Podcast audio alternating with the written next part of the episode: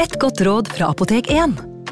Nå er snart pollensesongen i gang, og et godt råd til deg som sliter med pollenallergi, er å begynne behandlingen i god tid før allergisesongen starter. Da får du nemlig enda bedre effekt av legemidlene, og så blir ikke våren din helt ødelagt. Kom innom og få råd på ditt nærmeste Apotek 1, eller chat med oss på apotek1.no. Apotek 1 vår kunnskap, din trygghet.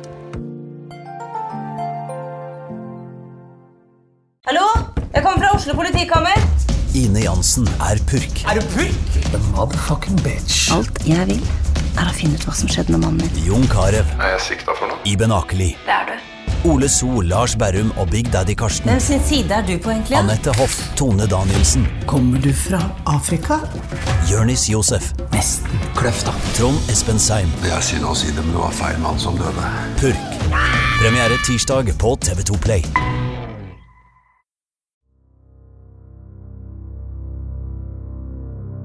Torsdag den 30. oktober 1862. Det har falt snø i Kabelvåg, og folk har kommet fra hele Lofoten for å se på han som nå skal miste hodet. En mann på ca. 40 år, Ole Anton Moland. Han eh, leverer et papir til presten til stedet, pastor Neumann. Det er hans siste ord, og pastoren blir bedt om å holde denne talen for Ole Anton, noe han også gjør. Så synger de salmer, alle sammen, og Moland synger med. Det sies at eh, hans stemme var så fast og rolig som om han skulle sitte i kirken. Moland hjelper den litt eh, eldre skarpretteren, da, Samson Isberg, opp på skafottet, bretter selv ned skjorten, klar for halshogging. Han som egentlig skulle gjort det, brettet ned skjorten, den såkalte bøddelknekten, altså assistenten til eh, skarpretteren, han gjorde det ikke, for han var ikke så vant til denne jobben. Og hvordan det artet seg videre, og hvordan han klarte seg, det skal vi snart få høre mer om. Men aller først, hvorfor skulle Ole Anton halshugges?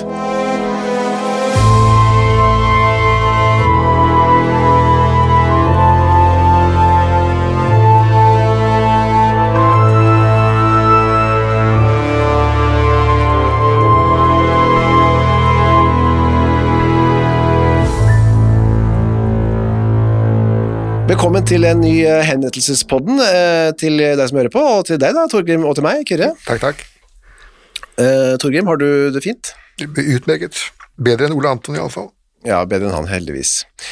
Vi skal begynne med en mail som vi har fått inn, Torgrim, um, som kom inn til da henrettelsespodden alfakrøllgmail.com. Det er Amund Frisli som sier uh, takk for en ny spennende podkast. Så skriver han i siste episode ble det sagt at den som mistet hodet, ville være bevisst en liten tid etter at hodet er skilt fra kroppen. Men er dette faktisk sant? Har forsøkt å finne bevis for dette, men så vidt jeg kan lese meg fram til, er det fortsatt ingen som vet dette med sikkerhet. Noen har forsøkt å finne ut av det, og avtalte eksempel at den henrettede skulle blunke med øynene etc. etter at giljotinen falt. Fortalte skulle sikkert stå der. Men tror altså at man aldri har klart å finne bevis for noen som helst bevissthet. Det hadde vært interessant om Torgrim som medisiner kunne forklart litt mer om hva han vet om dette i en senere episode. Hilsen Amund. Og det, Torgrim, vi kan komme tilbake til det. Ja, det er et interessant tema. Ja, det er et interessant tema, og det blir jo veldig aktuelt da, med Ole Anton, stakkar, litt senere, eller når han skal bokstavelig talt miste hodet, da. Men først, eh, Torgrim, eh, hvem var Ole Anton? Ja, dette var jo en lokal størrelse i Lofoten.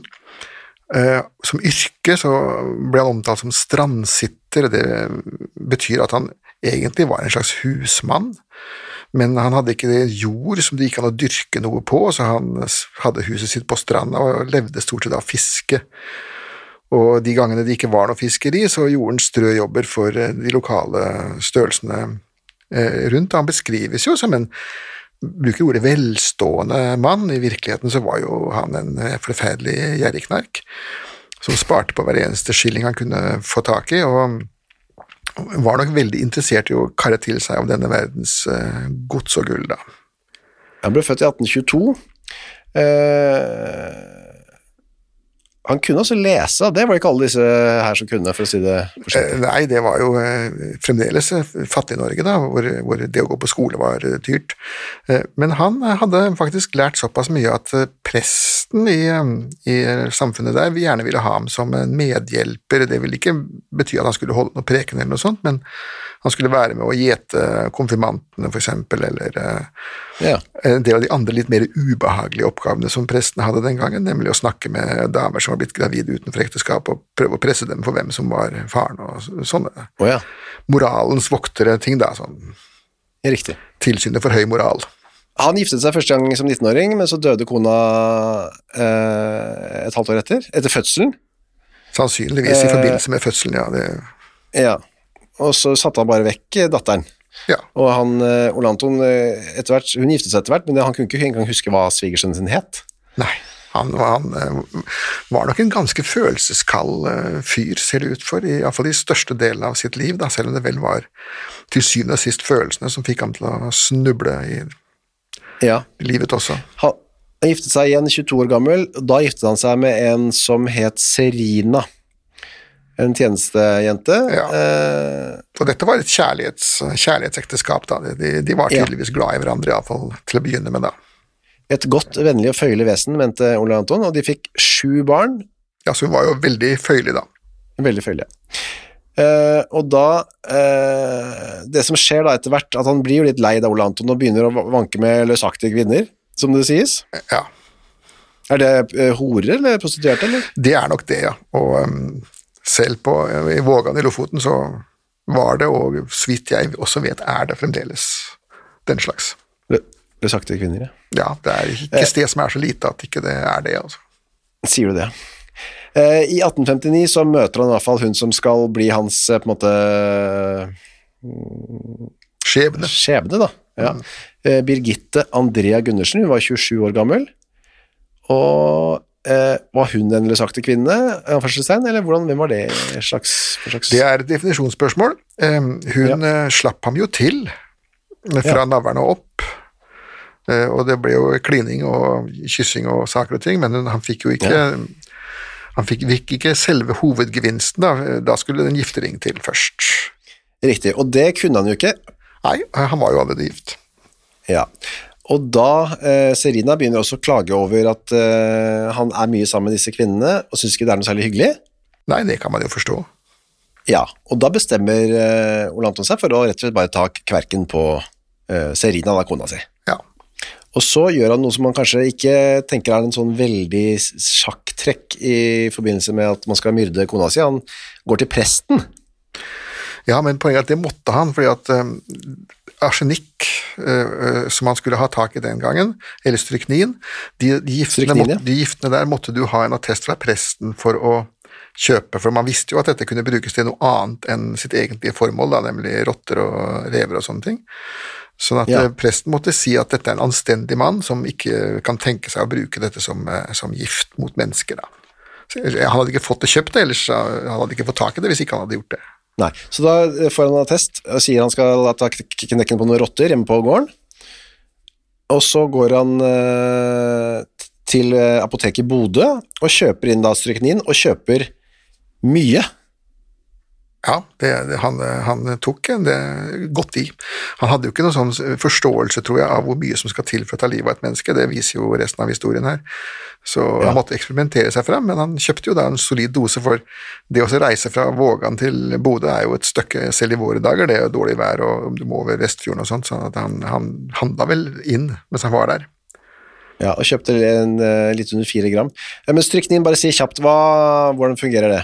Det, er en, en nervegift som har vært i bruk i Europa siden 1600-tallet. Den er jo egentlig vokser vilt i, i Sør-Asia. Det den gjør, er at du får en slags krampelignende tilstand i, muskler, musklene. Det ligner litt på epileptisk anfall, men med den forskjellen at du er våken mens det skjer. Og som det står i læreboken, våken og fullstendig klar over at nå kommer du til å dø. Eh, Du får epileptiske anfall, og til slutt så havner kroppen i en sånn stor bue da, som kalles for opistotonus, hvor bare hodet og hælene er i bakken, og resten står i en sånn bue over der. En bro? Til, ja, en bro, ja, og til slutt så dør du av enten eh, surstoffmangel, fordi at pustemusklene også går i krampe, eller at du dør av rett og slett overoppvarming, fordi at eh, disse stadige anfallene, som jo ikke tar slutt, Eh, De fører til at du, temperaturen inni kroppen din stiger, og når den går over 41-42, så, så stryker folk med. Og hele tiden mens man er bevisst på hva som skjer. Det er jo er bevisst. Det er en fryktelig måte å, å dø på. eh, Egentlig grusomt. Så rett før de skal i kirken en søndag, han og familien da, og Serina, så gir han eh, henne et glass vin med eh, stryknin i. Ja, og det er også litt sånn pussig, for fordi at eh, de skulle til kirken for å få nattverd, og da, da skal du på en måte møte edru, da. Ja, Men han var tydeligvis ikke interessert, han var ikke så nøye på, um, på formalitetene, denne prestens nesten medhjelper. Men eh, hun syns ikke dette smakte noe godt, Nei, det eh, bittert. stryknin. Det er veldig bittert. Ja. Grusom smak. ja. Uh, har du smakt det, eller? Uh, nei, eh, da, jeg sitter jo her enda, så eh, Nei, da, jeg har ikke smakt det, men, men det er noen som har det. eh, Og som Ja. har levd og kan beskrive hvordan både det smaktes og hvordan det føltes. Eh, Og grunnen til det er at noen tok dette som en slags amfetamin i små Ja. doser for å kvikke seg opp og for å få litt mer energi. Så det ble brukt som det, eh, og, og de som overlevde det, de kunne fortelle at det smakte bittert. Det er ikke å anbefale, kanskje. Vi har andre måter å få piff på nå, vi har jo Java kaffe og Ja, mer anbefalesverdig.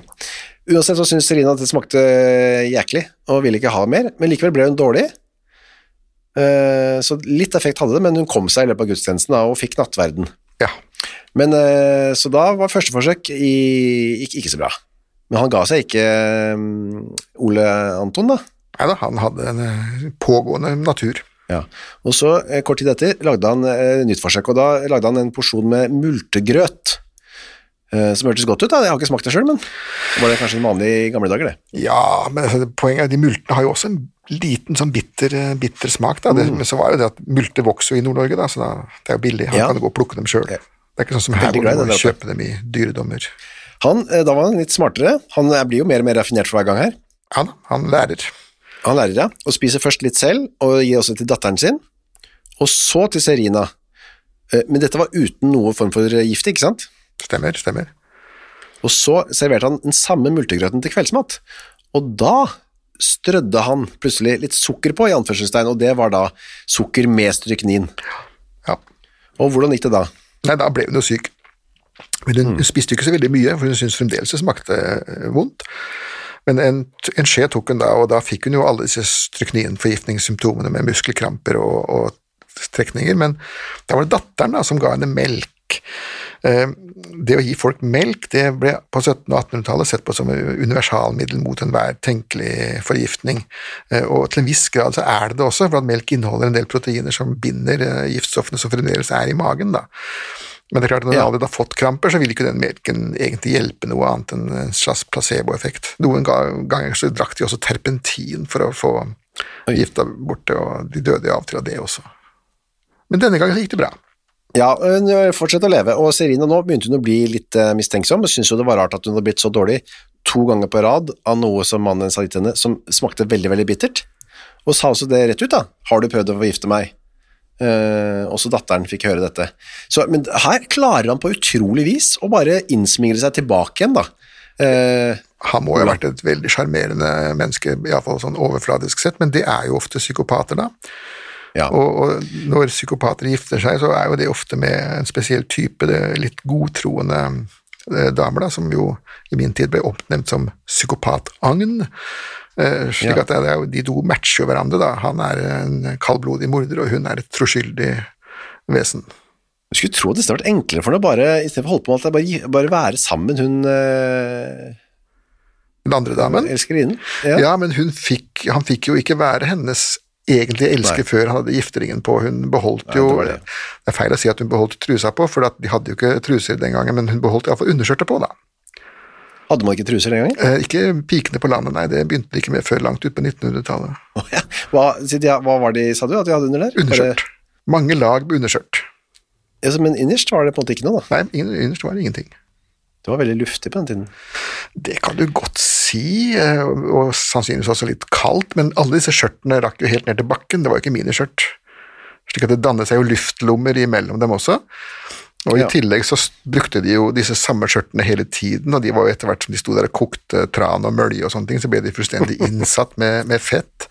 Og det er jo til og med en teori på at når disse heksene på 1600-tallet ble kastet i vannet og fløyt, så var det på disse fettskjørtene deres som, som Ja. avstøtte vannet. da. Eh, uansett så klarte Moland å smigre seg inn på kona si, Serina igjen, og hun ble faktisk gravid igjen. Ja, ja. Så der var det egentlig full forsoning. Tilsynelatende, ja. ja. Ja. Eh, Nå han han gitt opp denne strykninen, da, så nå eh, dro han og fikk eh, sognepresten til å skrive ut attest på arsenikk isteden. ja.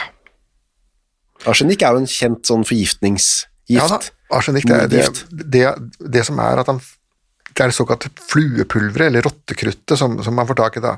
Eh, Gul arsenikk, det er en sånn organisk arsenikkforbindelse, som også var veldig kjent i, i Europa, og kanskje mer kjent enn stryknin.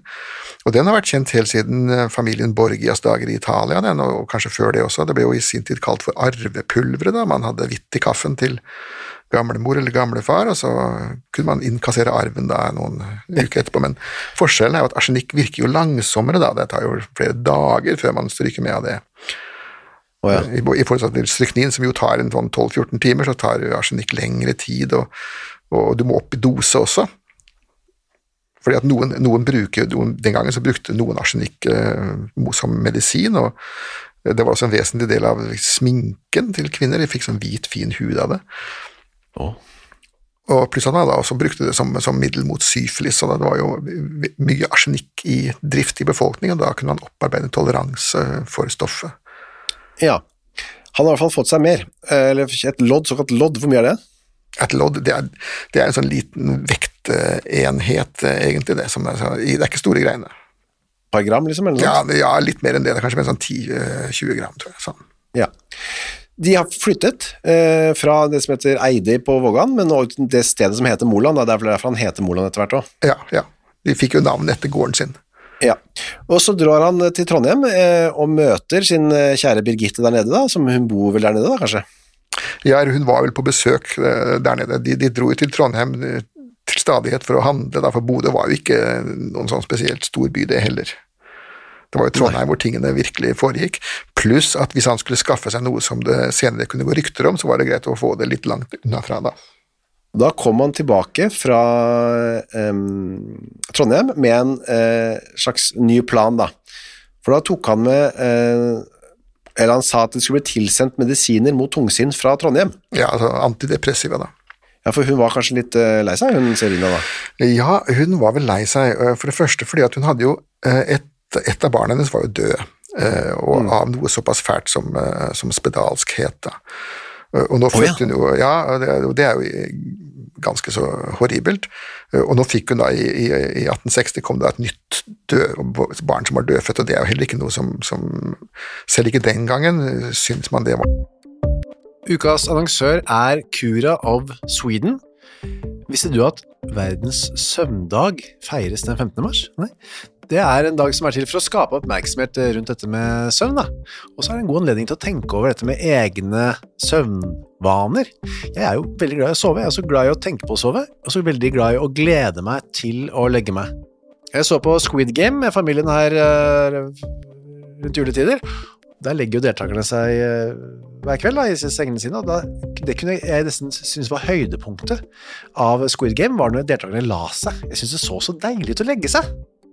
Nå hadde ikke de Cura of Sweden vektdyner, da, riktignok, eh, som hadde gjort det enda bedre. Det er en ny studie nå fra Uppsala universitet som viser at vektdyne, bruken av det, øker melatoninnivået hos friske unge voksne eh, når de legger seg. Da.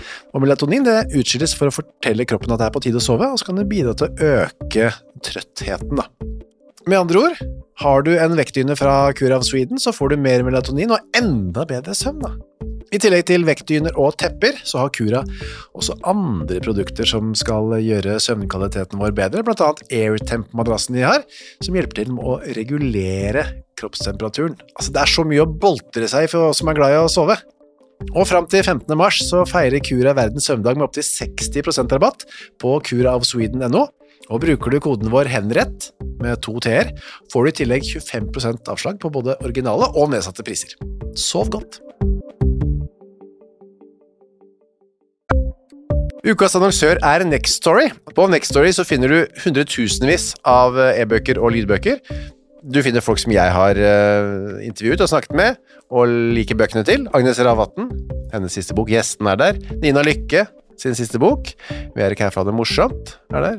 Og så er det jo det er krim, biografier, essays, uh, romantikk, sannhistorier, barnebøker, faktabøker, spenningsbøker, science fiction Alt mulig du kan tenke deg. Og også bok av uh, Torgrim Sørnes. De henrettede igjen, Ondskap, for eksempel. Det er da uh, Torgrims gjennomgang av en del av sakene fra 1800-tallet, som endte da med halshugging, da, som de gjerne gjorde. Uh, for eksempel Kristoffer Svartbekken, denne snikmorderen fra um, Elverumsdraktene, som pryder også coveret, ser jeg, skummel type. Eller da, som sagt, forferdelig mye annet. Gå inn på nextstory.no skråstrek henrettelse registrer deg der, så får du seks uker gratis tilgang til nesten uendelig mange bøker. God fornøyelse. Det var noe lett opplevelse. Så hun var nok eh, deprimert av en god grunn, da, pluss at eh, det å være gift med Ole Moland kan jo heller ikke ha vært noen sånn dans på roser, egentlig. Da er han nå smart, for nå gir han henne først to uh, ufarlige medikamenter, ja. uh, som ikke, ikke var farlige, uh, og nå har han, så har han blandet de ekte medisin, de, altså de medisinene med knust leire, sånn at det skal se så mye ut som arsenikk som mulig, uten å være arsenikk. Nettopp. Altså det skal være grått. Så han lagde noe ufarlig som så ut som arsenikk. Ja. Og så gir han dette mange ganger, og hun blir da trygg på dette middelet, og så plutselig, åtte dager etter fødselen, så gir hun ekte arsenikk. Ja. Eller han gir henne ekte arsenikk. Ja. Men, øh, og da får hun en grusom natt. Ja, for det du får er jo først og fremst symptomer fra mage-tarm. Du får mageknip og diaré og oppkast, og det er jo tarmene det går først utover. Og, og en sånn metallsmak i munnen, og du blir kvalm og ekkel. Men eh, det kan man altså overleve, da, og hun overlevde. Men damen hadde jo, hadde jo ni liv, da. Ja, hun, dette er det tredje giftforsøket hun overlever. Ja. Vi vet jo ikke noe om hva hun sier til han på dette tidspunktet her, hva hun tror og tenker. Hun behøver vel eh, ikke si så veldig mye, for at eh, i sånne ekteskap som det der, så er det ofte at eh, man lever på taushet. Eh, ikke spør, og ikke 'jeg sier ingenting', og du spør om ingenting. Så håper man at det skal gå bedre, da. De som er gift med psykopater, tror jo alltid at det skal bli bedre rundt neste sving. Riktig. Eh, For hver blåveis de får, så er det den siste, og det kommer ikke noen flere, men det gjør jo klart, det gjør jo det. Men Ole Anton har begynt her å mm, Han syns det kanskje er noe sånn Er det skjebne eller Gud som ikke vil at jeg skal uh, drepe kona mi her? Uh, og så har han, arrangerer han en slags sånn uh, lotteri. Ja. Et lotteri hvor han faktisk klarer å jukse også, da. At, Ja. Han har en kort og en lang pinne, og hvis den korteste pinnen havner nærmest foten hans når han kaster dem opp i lufta, så skal hun dø, og hvis ikke så skal hun få leve. Men så ved første gang han kastet opp, så ble det at livspinnen havnet nærmest, da, og dermed så kaster han det bare en gang til, da. Helt til han får resultatet sitt, og, og da kaster han ikke flere ganger. Da er det avgjort. Var dette et vanlig greie i Nei, ting på? dette, er, dette er Molands eget eh, personlige påfunn, og antagelig har han gjort dette her for å stille sin egen samvittighet noenlunde i bero, da. Så en kort og en lang pinne, opp, og så livspinnen nærmest. eh, for mange ganger, men helt til, altså gjør han det bare helt til han får det resultatet han er ute etter. Da. Det er sånn det skal gjøres.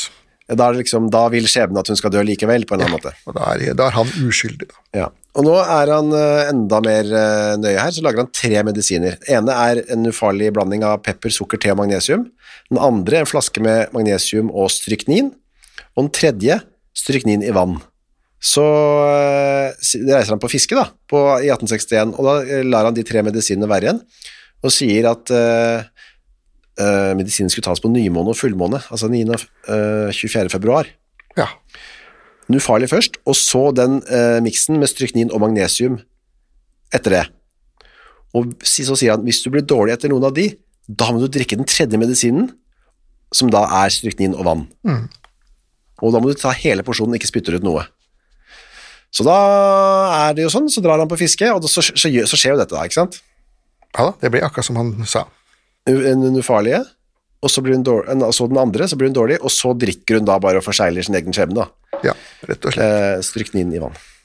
Og da blir det så mye kramper, og da, datteren løper og henter nabokona, og folk kommer til, og det er bare kvinner, for alle menn er ute og fisker. Ja da, og de får ikke i De prøver å få inn melk, men det, det hjelper jo ikke noe heller. og Dessuten så er det slik at når du har disse strykninkrampene, så, så lukker jo munnen seg. altså Du får et sånn kjevende sperres inne. Og du får også et sånt uhyggelig smil da, som kalles for risus sardonicus, det sardoniske smil, hvor krampene drar munnvikene ut til siden, så det ser ut som om legene vedkommende ligger og smiler seg eh, inn i døden. Da. Men i virkeligheten så får du jo da ikke noe inn i munnen hos en sånn, de er, de er låst fast, disse kjevene.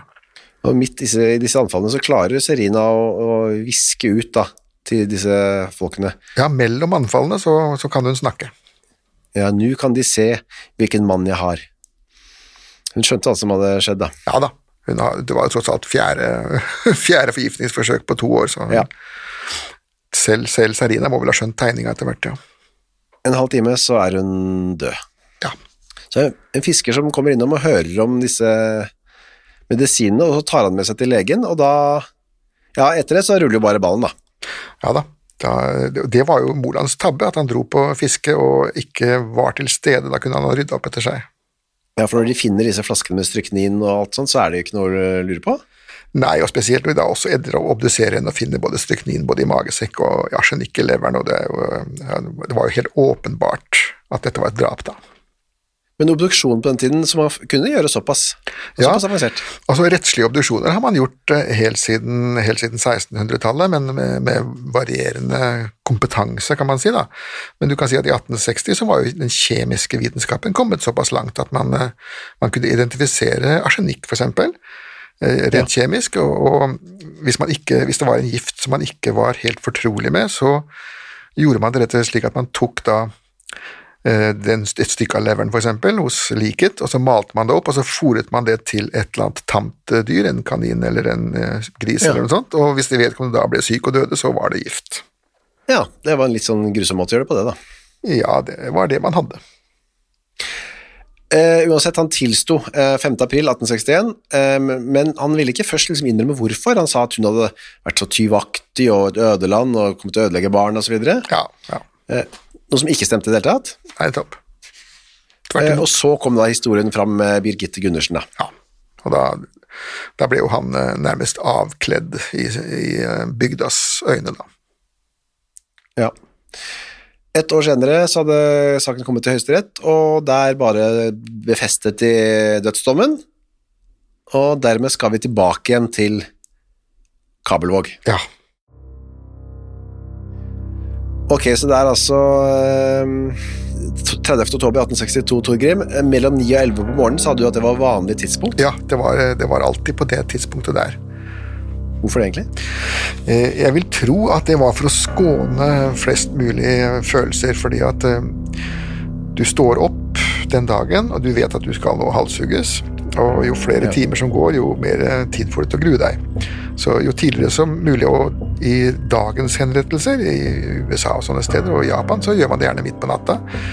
Eh, Men i Norge så var det så stort apparat som skulle til. Det var jo, Du skulle hente skarpretter og militære og fogd, man skulle ha tilskudd osv.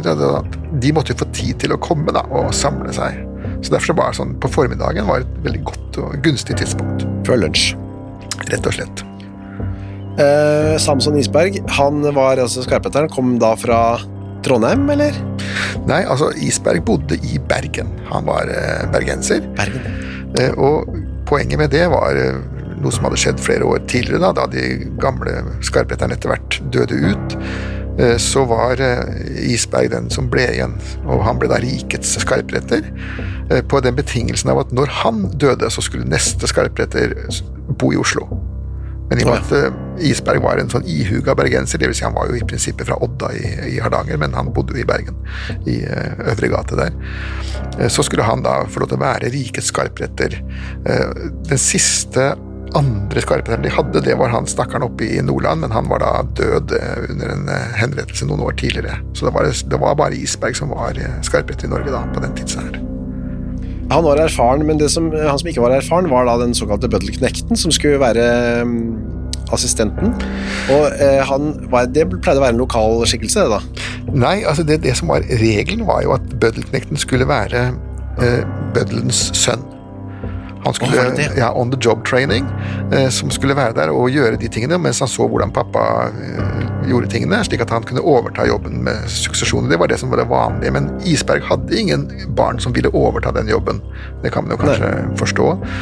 Ja. Så han måtte leie noen eh, hver gang han kom, som kunne gjøre den jobben. Ja. men i Vågan så var det ikke så veldig mange drevne, så han fikk bare tak i en sånn Kvelden før så fikk han tak i en uh, bøddelknekt som var villig til å stille opp for, for noen daler, da.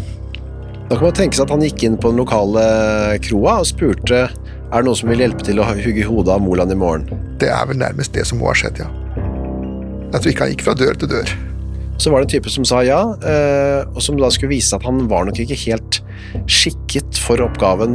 En av jobbene til knekten er jo å holde hodet igjen mens det ligger der på blokka, sånn at ikke han, som du har vært inne på før, plutselig ombestemmer seg og trekker til seg hodet, og så blir det helt grusomt. Nettopp. Han skulle holde ham i ørene, i håret eller i et tørkle rundt halsen eller hodet. Ja. Og så skulle han passe på at hodet ikke, ikke at ikke, han mistet hodet, da. Skulle også, han skulle holde på det. Han må ha vært eh, nervøs, da. Han må ha vært eh, Han har skjønt etter hvert, kanskje våknet edru, og dette her Og ja, hva er dette jeg skal gjøre i dag?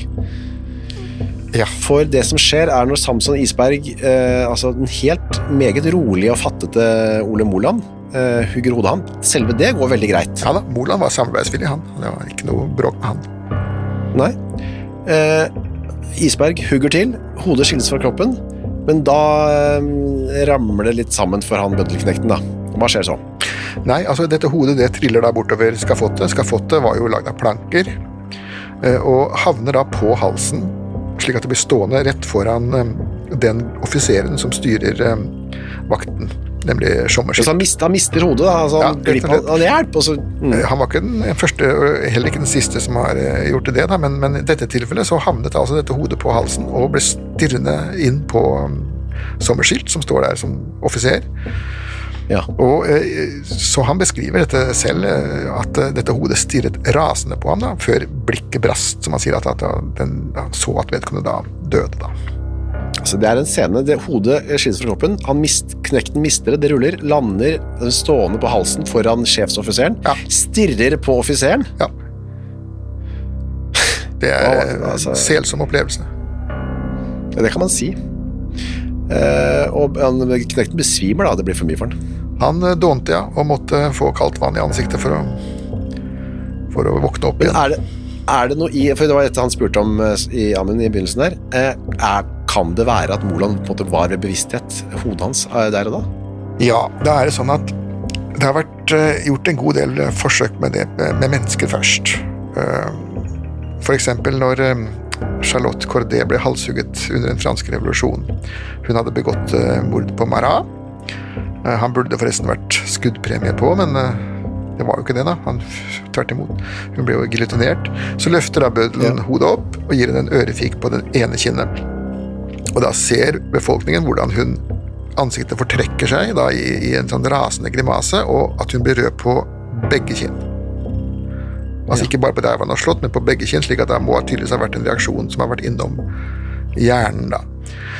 Eh, og alle som har sett på henrettelser, beskriver jo det hvordan eh, øynene blunker og leppene beveger seg i, i ganske mange sekunder eh, etterpå. Og jeg har jo selv hatt en sånn litt selsom opplevelse da jeg studerte. Da Da gjorde jeg noen eksperimenter med kroppen til en frosk, mens eh, froskens hode lå sånn 20 cm lenger borte på benken og blunka til meg i flere minutter. Det var ganske creepy. Ja. Så eh, gjorde man et eksperiment eh, i Orleans, begynnelsen av 1900-tallet, hvor en, en morder som het Langille, han ble halshugget. Så havner dette hodet igjen på halsen og da står det en doktor som er, som er til stede ved henrettelsen, og roper 'Langil' til dette hodet, og ser da hvordan øynene langsomt åpner seg. Langil fester blikket på doktoren, ser på ham, og så lukker øynene seg igjen, akkurat som et menneske som sover. Så roper doktoren 'Langil' en gang til. Øynene åpner seg. Ja, igjen fester han blikket på doktoren, og øynene lukker seg, men tredje gangen han roper, så skjer det ingenting. Og da har det gått ca. 35 sekunder. Andre som har vært til stede ved henrettelser, halshugninger, hvor hodet har havnet på halsen, beskriver hvordan de har gått fram og tilbake på skafottet, og hodet har fulgt dem med øynene i ca. et halvt minutt. Eh, men så, eh, på på 70-tallet så begynte man å interessere seg for å avlive laboratoriedyr eh, på så human måte som mulig uten å bruke narkose. Og Da begynte man å feste EEG-elektroder til hjernen eller til hodene på disse dyrene, og så giljotinerte man dem. Og Da viste det seg det at eh, hos eh, de dyrene man gjorde mest eksperimenter med, da, som var eh, rotter og gnagere, så eh, var EEG eh, til stede eh, helt i, i fire-fem sekunder etter at de ble giljotinert, på en måte som, som de mente var forenlig med bevisst liv. Så forsvant det gradvis nedover. Var der i sånn ca. 40 sekunder eller noe sånt, men da mener altså de forskerne at da er intensiteten så lav at den ikke er forenlig med bevisst eh, liv. Og så, etter ca. ett minutt, så kommer det en ny siste langsom bølge av elektrisitet gjennom hjernen, som man da trodde lenge at det var den endelige døden. Men så viser det at de nervecellene kan man fremdeles sparke liv i etter ett minutt, etter to minutter til og med etter fem minutter. Så, så død er hjernedød er eh, en veldig langsom eh, affære, men det ser iallfall ut som om bevisst liv er der et eller annet sted mellom, mellom 4 og 30 sekunder etter at hodet er av, da. Så da kan man tenke seg at Moland eh, stirret på rasende på offiseren og tenkte hvorfor skulle dette skje nå da? Dette var en uverdig måte å gå ut av verden på. Og så var det slutt. Ja, hva han har tenkt, det fikk han jo aldri meddelt, men eh, en del av de som har sett sånne hoder, de sier jo at de, de er, har et sånt eh, litt rasende blikk, rynkede bryn og Det er ikke så rart. Det kan man kanskje si, nei. nei det er vel ikke så rart. Eh, når Svartbekken var den siste som ble halshugget her i Norge, der sa man jo påstått at han var så sint at han skar tenner, hadde hodet hans da, skar tenner etterpå. Flekka tenner til omgivelsene. Det er noen koselige, koselige bilder vi gir folk her, eh, Torgeir. Ja, vi må jo kaste litt sånn en liten streif av solskinn inn i Det er jo sånn en trist dag ellers. Det er det. Det. Vi runder her, vi. Ole Moland ble begravet. Eh, skafottet revet ned. Eh, brukt til veifylling. Eh, Ja, og den veien er vel, er vel enda den. Og ikke minst eh, denne bøddelknekten. Han fikk jo utbetalt pengene sine og drakk seg kanon full samme kveld. Det, er ikke, det er i hvert fall ikke noe rart. han havna i kasjotten. Fyllearresten. Takk for nok en uh, solskinnshistorie fra virkeligheten, uh, takk. Sørnes.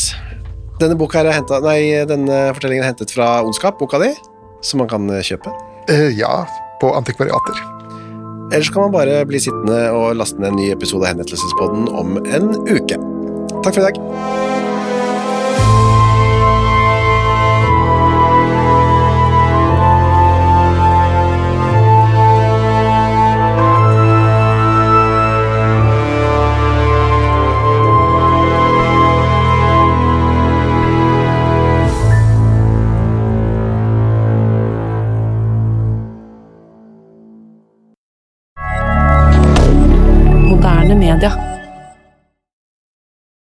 Har du et enkeltpersonforetak eller en liten bedrift?